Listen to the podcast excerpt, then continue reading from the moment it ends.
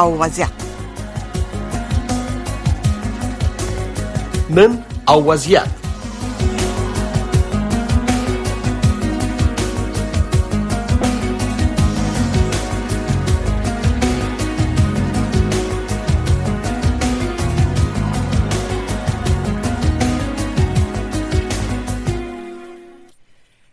بینندگان و شنوندگان محترم سلام. به برنامه روایت امروز. خوش آمدین. امید است که صحت و سلامت باشین و هفته خوب را سپری کرده باشین. طبق معمول روزای سه شنبه برنامه روایت امروز هم تو یاد دارین. روی موضوعات مربوط به زنا اختصاص میتیم و به اونا گوش میتیم به مشکلاتشان و نظریاتشان پیشنهاداتشان. قرار بود در برنامه امروز ما مهمان دیگه خانم زکی زهادت داشته باشیم فعال حقوق زن هستن. ولی تا آخرین لحظه که امرشان البته تا یک ساعت پیشم تماس داشتن ولی اما تا لحظه پیش از پنج دقیقه بیشتر هم که می آمدم به اینجا چندین بار تماس گرفتم پاسخ نگفتن. و ما از خواهر دیگه ما خانم برشناجان خراسانی دعوت کردیم که اونا بسیار لطف کردن. در آخرین لحظه یعنی سه چهار دقیقه پیشتر کمرشان تماس گرفتم. بهشان گفتم که من نیاز دارم به شما که در برنامه با ما باشین و سر موضوعات مربوط به روز صحبت کنند که خانم بشنا جان دعوت ما را قبول کردن و ما قلبا ازشان ممنون هستیم. فکر می‌کنم که روی خط دارم میشانه خانم خراسانی عزیز سلام خوش آمدین به برنامه. تشکر سلام شنوانده عزیز. ممنون. بازم تشکر از شما که در کوتاهترین فرصت دعوت ما را پذیرفتین. می‌خواستیم خب البته شما از اخبار آگاهی دارین.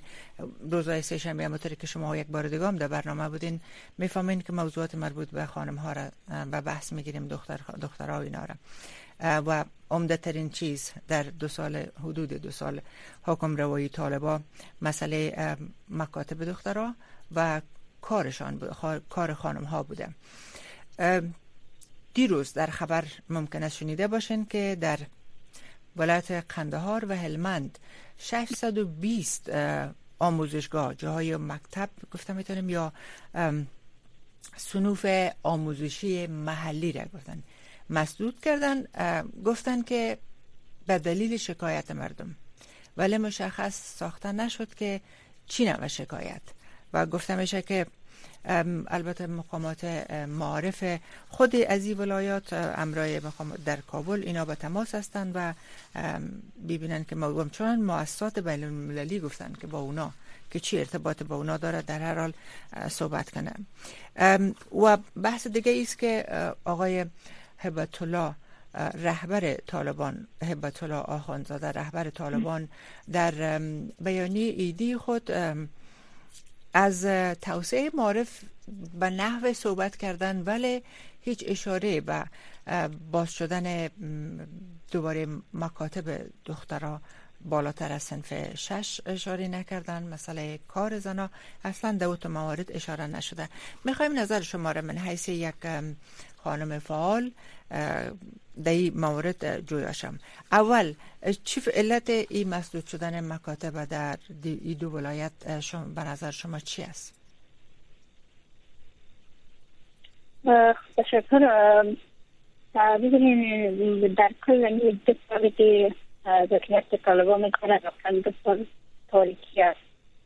دور بودن از آموزش به ما داریم به طرف تاریکی حرکت طرف قبل یکی در کل مکاتب بسته برای خانما و دوره البته می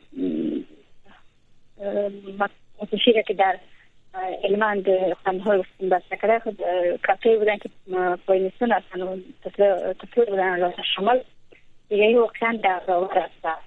اینا در کل دشمنیشون با آموزش با روشتی با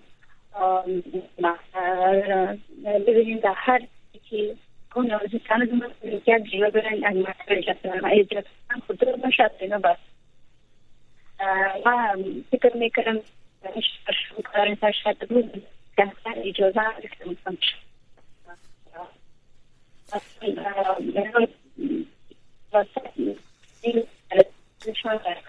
با روشنی با پیشرفت و ترقیت یک گروه دوست یک گروهی هستن که همرشان با انتحار و انفجار سپاری شدن و یکی پیام البته خبر طالبا هم که جشاره برای بازشه مکاتب نکردن ما از توقف هم نداریم.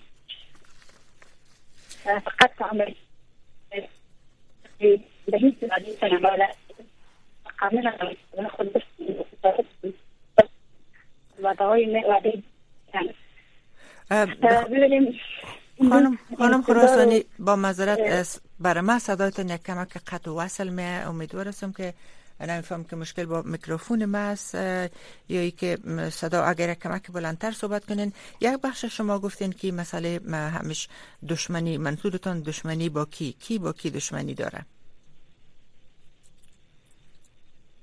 خب طالب مو فکر و اندیشه طالب قسم تربیهش البته قسمی است که قطعا با پیشرفت با توصیه با علم و روشنایی هیچ سازگاری نداره البته دشمنی از زیاد در کل با پیشرفت علم اینو اسلام برای خودشان یک دستاویز یک اسلحه قرار دارن در صورتی که قطعا گفتار اینو با اسلام هیچ مطابقتی نداره. در حسب نمی‌دونم ما می‌تونیم بگیم خود از که وجود خود حکومت اسلامی میگن اما دشمنیشون با دین اسلام است. اگر اینا با دین اسلام دشمنی ندارن پس چرا آنچه که دین اسلام او تاکید کرده و اولین بار هم سوره که نازل شد به نام یا آمدن دروازه های علم روشنایی دروازه های خواندن برای مسلمان ها بسته می‌کنن. خب معلوم دارد که در حاصل خودشان با اسلام دشمنی دارن.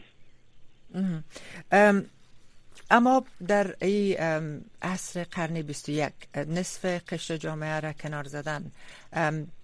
مکاتب بالاتر از صنف شش مسدود کردن و مانع ممانعت کار, کار زنا شدن مطوری که دعا میشه و شما هم گفتین. اینا ای تا چه زمان فکر می‌کنین که ادامه پیدا کنه؟ البته باید دیر متذکر شیم چیزایی که شما میگین اصلا طالبا کاملا مخالفش است. طالبا امیال میگن که مکاتب البته سرش میگن کار می‌کنن هیچ وقت نمیگن که ما نمی‌خوایم بعد از بالاتر سنف شش دیگه مکاتب دیگه دخترها درس بخونه ایدهایی که البته نه اکثریت ایره میگن که طالبا مطور که شما گفتین معتقد به ایده نیستن که دخترها بعد از بالاتر سنف شش درس بخونن. و مو شش سنف کفایت می‌کنه برشان و همچنان بفرمایید بله اینا کاملا دشمنیشون با زنها است. ببینیم در 20 سال قبل هم که حکومت می‌کردن به این شکل بود که تا 2001 تا آخری از سال که سقوط کردن. به این شکل وعده دادن بالاخره تا زمانی که سقوط کردن نظام جدید حاکم شد. اینا مکاتب بسته بود باز نکردن. به این شکل گشته حال هم ادامه داره. مطمئن است تا وقتی که اینا است قطعا باز نمیشه مکاتب. رفتن دخترها به مکتب. ولی او اندیشه و مکاتب مطمئن هستیم که مکاتب به قسم شاید نصاب درسش تغییر کنه که اما اندیشه طالبانی باشه. پس هیچ فایده ای نداره به نظر من. وقتی که یعنی فکر می‌کنن که تغییر میتن نصاب درسی اندیشه طالبانی به گفته خودتان میشه. در اون صورت فکر می‌کنن که باز خواهد شد مکاتب بالاتر از صنف شش یا نه؟ خب من چند قبل هم یه گلانی پخش کرده بودم فکر کنم به خاطر کار کردن سر نصاب تعلیمی و همچنان تغییر یونیفرم. این به نظرم خیلی بیمانا و بیمنطق است. کاری که از می‌کنن. سر چیز بسیار جدی فکر می‌کنن. ببینید اگر مسئله یونیفرم بود هیچ مشکلی به نظر من نداشت یونیفرم. اما لباس چادر سفید لباس مناسبی که دخترها قبلا داشت دیگه اگر فقط تغییر رنگ میتن. خب کدام رفتن در دو سال اگر بخاطر به همین دلیل مانده باشه اگر سر نصاب درسی و کار کرده رسن نصاب درسی خب مضمونایی که در مکاتب تدریس میشه که هیچ کنم غیر اسلامی نبود. اگر انگلیسی بوده خب یک نیاز است ما باید زبان بیاموزیم. اگر پشتو بوده پشتو زبان خودشون است.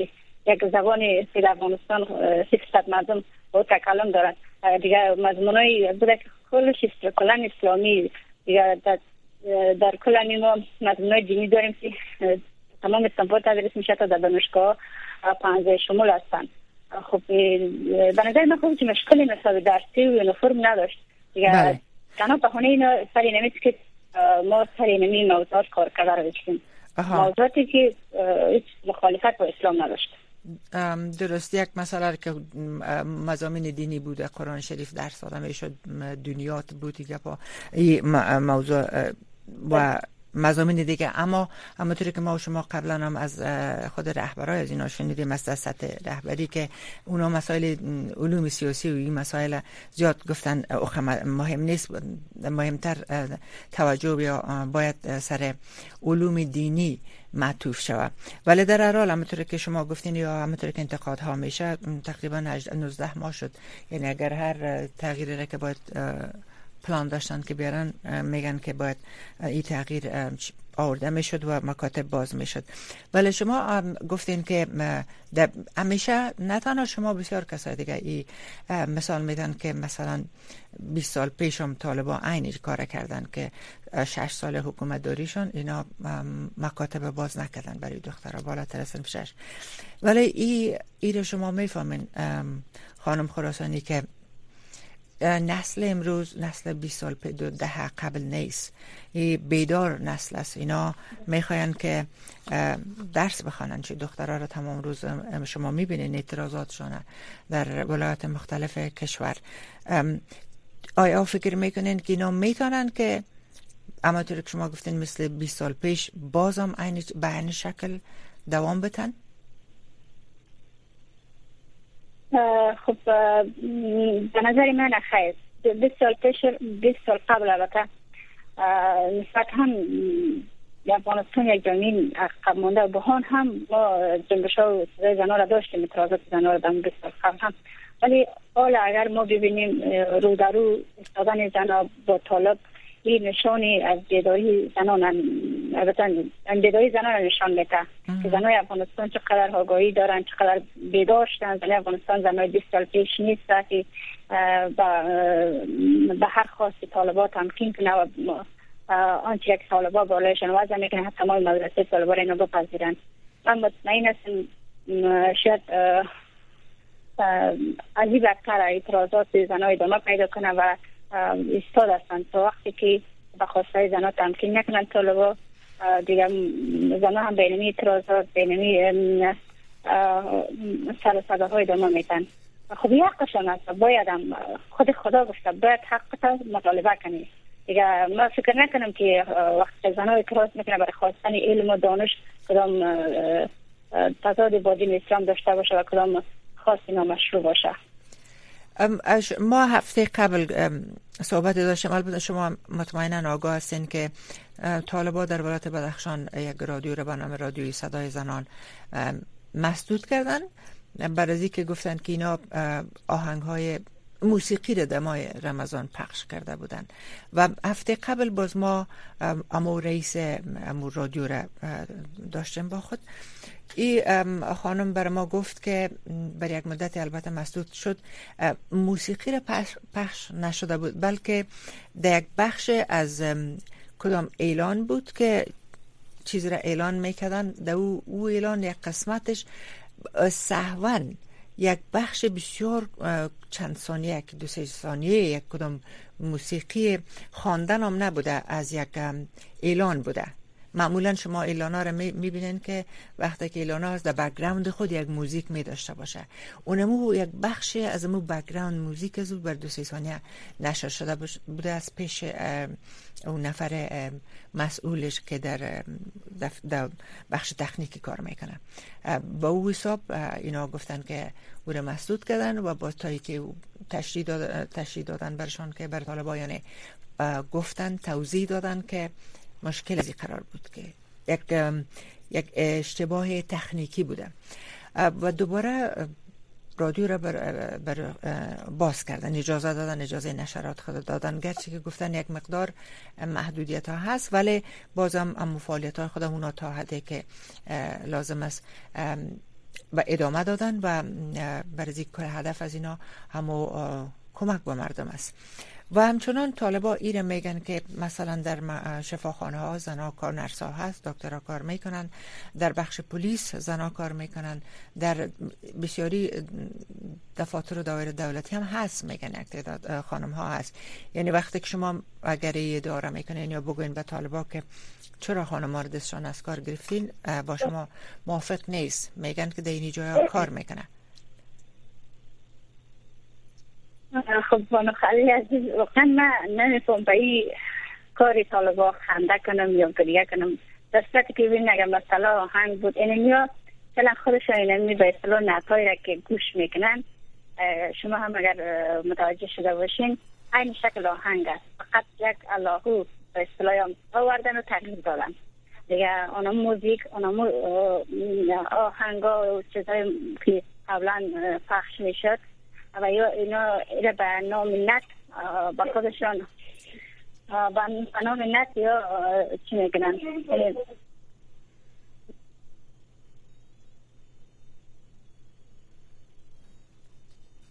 بله. آه بله بفرمایید ما فکر line بفرمایید میشنوین صدا را؟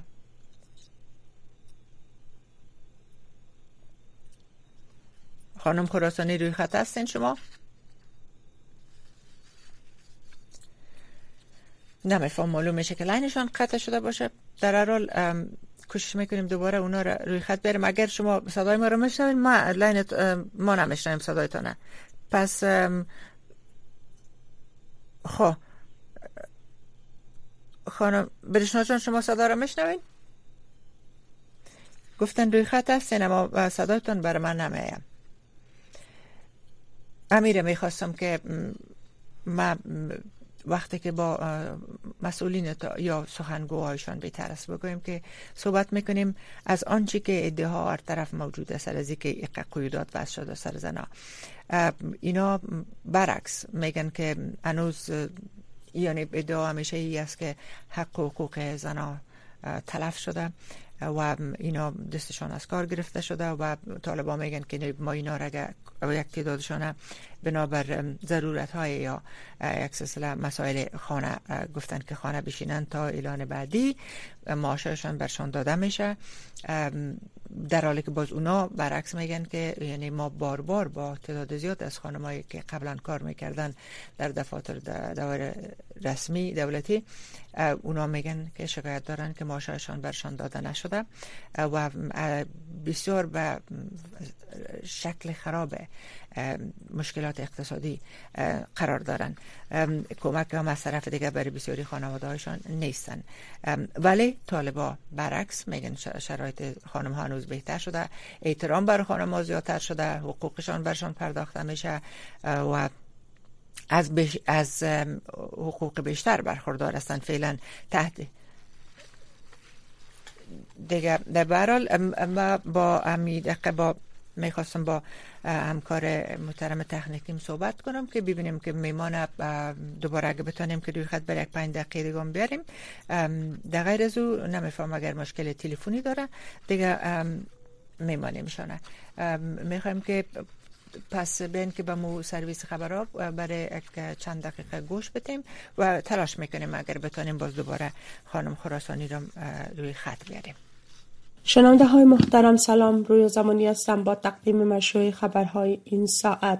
تام وست نماینده ویژه ایالات متحده برای افغانستان از یک سلسله ملاقات ها با شمار از رهبران سیاسی افغان و اعضای جامعه معدنی این کشور در شهر استانبول ترکیه خبر داده است. آقای صبح وقت امروز شنبه در تویتر خود نوشت که پس از افتار در مورد چالش ها و تعامل جامعه جهانی در افغانستان با افغان ها بحث کرده است. تامست به تازگی با مجمع اندیشه آینده افغانستان در شهر دوحه نیز دیدار نموده است. بر اساس یک بیانیه وزارت خارجه ایالات متحده آمریکا آقای وستا 18 اپریل با اعضای جامعه مدنی، تجاران، رهبران سیاسی، روزنامه‌نگاران و فعالین حقوق بشر افغان دیدار می کند.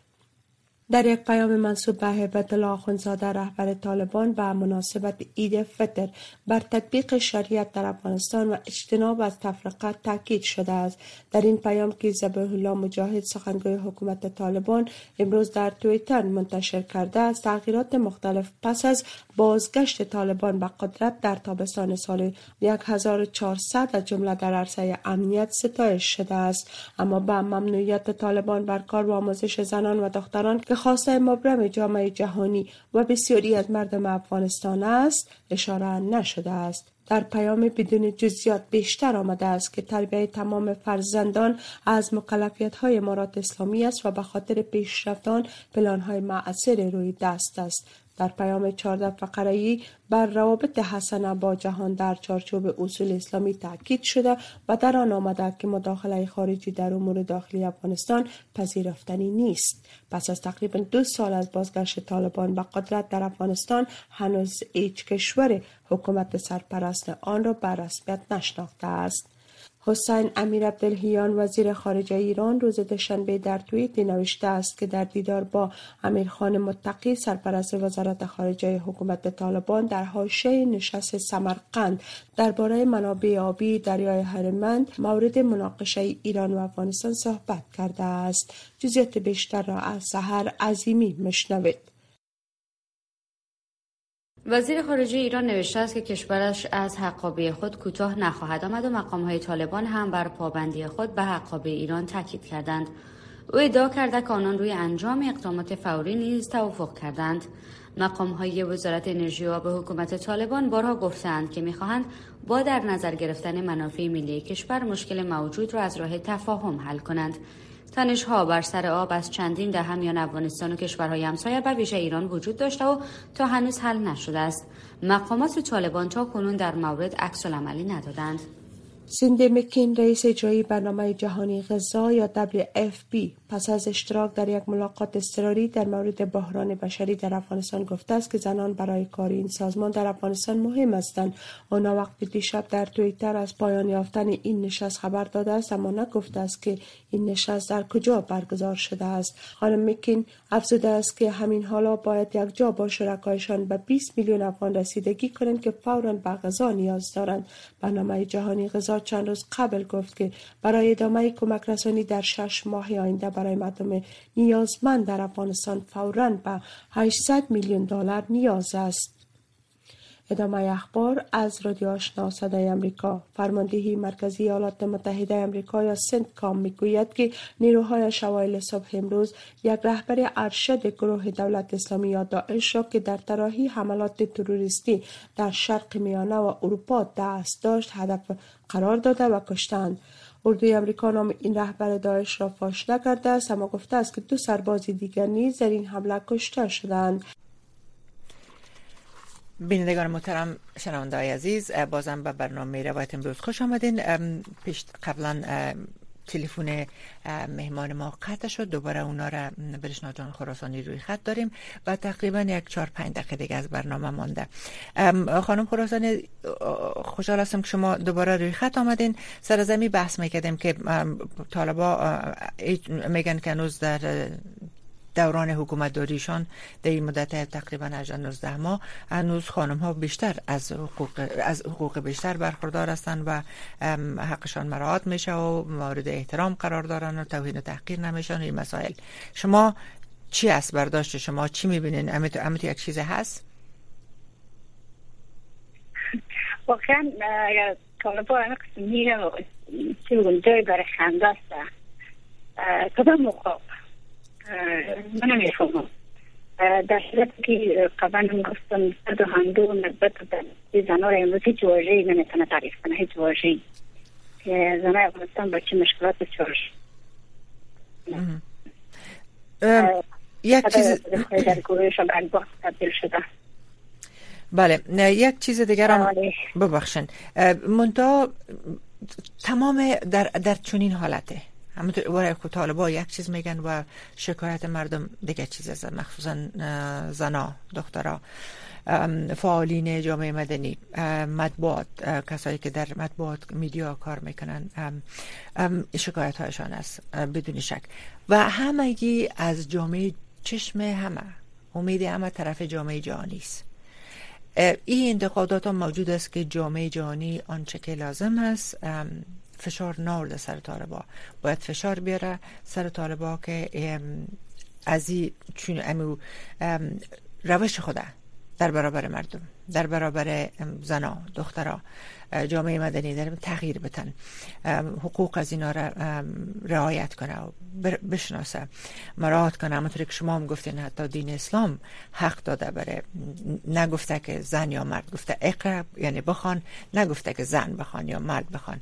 برای همگی برای همه انسان ها انال جامعه امی قسمی که در آقای هبت الله دمی بیانی خودم گفت این مثلا البته ذکر شده در بخش که باز آقای مجاهد گفته که هیچ کشور تا کنون حکومت طالبان را به رسمیت نشناخته. پولی رام که روان می‌کنن برای طالبان میگن دادن همیشه هفته وار که ما هر هفته که پول برشان فرستاده میشه. و محصولات خارجی داده میشه که باید کمک برای خاطر کمک با مردم افغانستان. پس جامعه جهانی چی می‌تونه بکنه؟ در حالی که خدا زیر این این کار رو می‌کنه اما شدیدا زیر انتخابم قرار داره.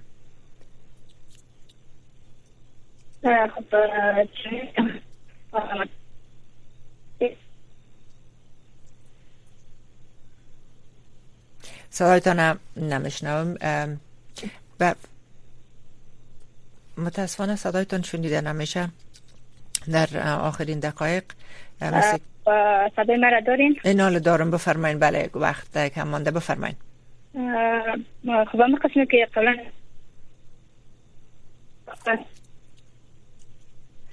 بدنام زده و یک گروه بدنام زده است که هیچ وقت صدایتان قطع وصل میشه. اگر کمک یک جایتان تغییر بتین موقف دیگه. متاسفانه جامعه جهانی نتونست هنوز زنه افغانستان کدام کاری انجام در صورتی که می‌تونه طالبا مو فشارهای لازم و فشارهای گسترده رو بیارن که اینا به نالی ای کار نکردن. جای از که کار کرده برای البته بسته های نقدی که روان می‌کنن. و حتی سازمان ملک زنها در افغانستان بسته کرد شکل پنهانی ما شاید هستیم که به طالبا پول روان می‌کنن که خودش واقعا نشانگر از است که زن افغانستان تا سازمان منظورتان امی پولایی که افتوار روان میشه ایر شما میگین که گفتین پنهانی شاید هستین که روان می‌کنه همونطوری که قبلا هم اشاره کردیم که او پول میگن که به دست طالبان نمی‌رسه. او پول مستقیما خود مؤسسات خیریه که در افغانستان هستن به دست از اونا می‌رسه که اونا باز به مردم نیازمند افغانستان کمک کنن. البته انتقاد شما را دیگرها هم تر کردن گفتن که به گونه به دست خود طالبان می‌رسه ولی در هر حال بله بسیار تشکر خانم برشنا جان خراسانی. بازم قلبا ممنون شما که در آخرین لحظات شما حاضر شدین به برنامه ما بیاین و صحبت کنین چون میمانه که قبلا ما اونا را ابرشان صحبت کرده بودیم. اونا مشکل برشان پیدا شد که در دقیقه پیشتر از برنامه گفتن نمی‌تونن بیان. یک جان تشکر از وقت شما. انشاءالله در آینده هم بازم با شما به تماس خواد بودیم. شب روزتان بخیر.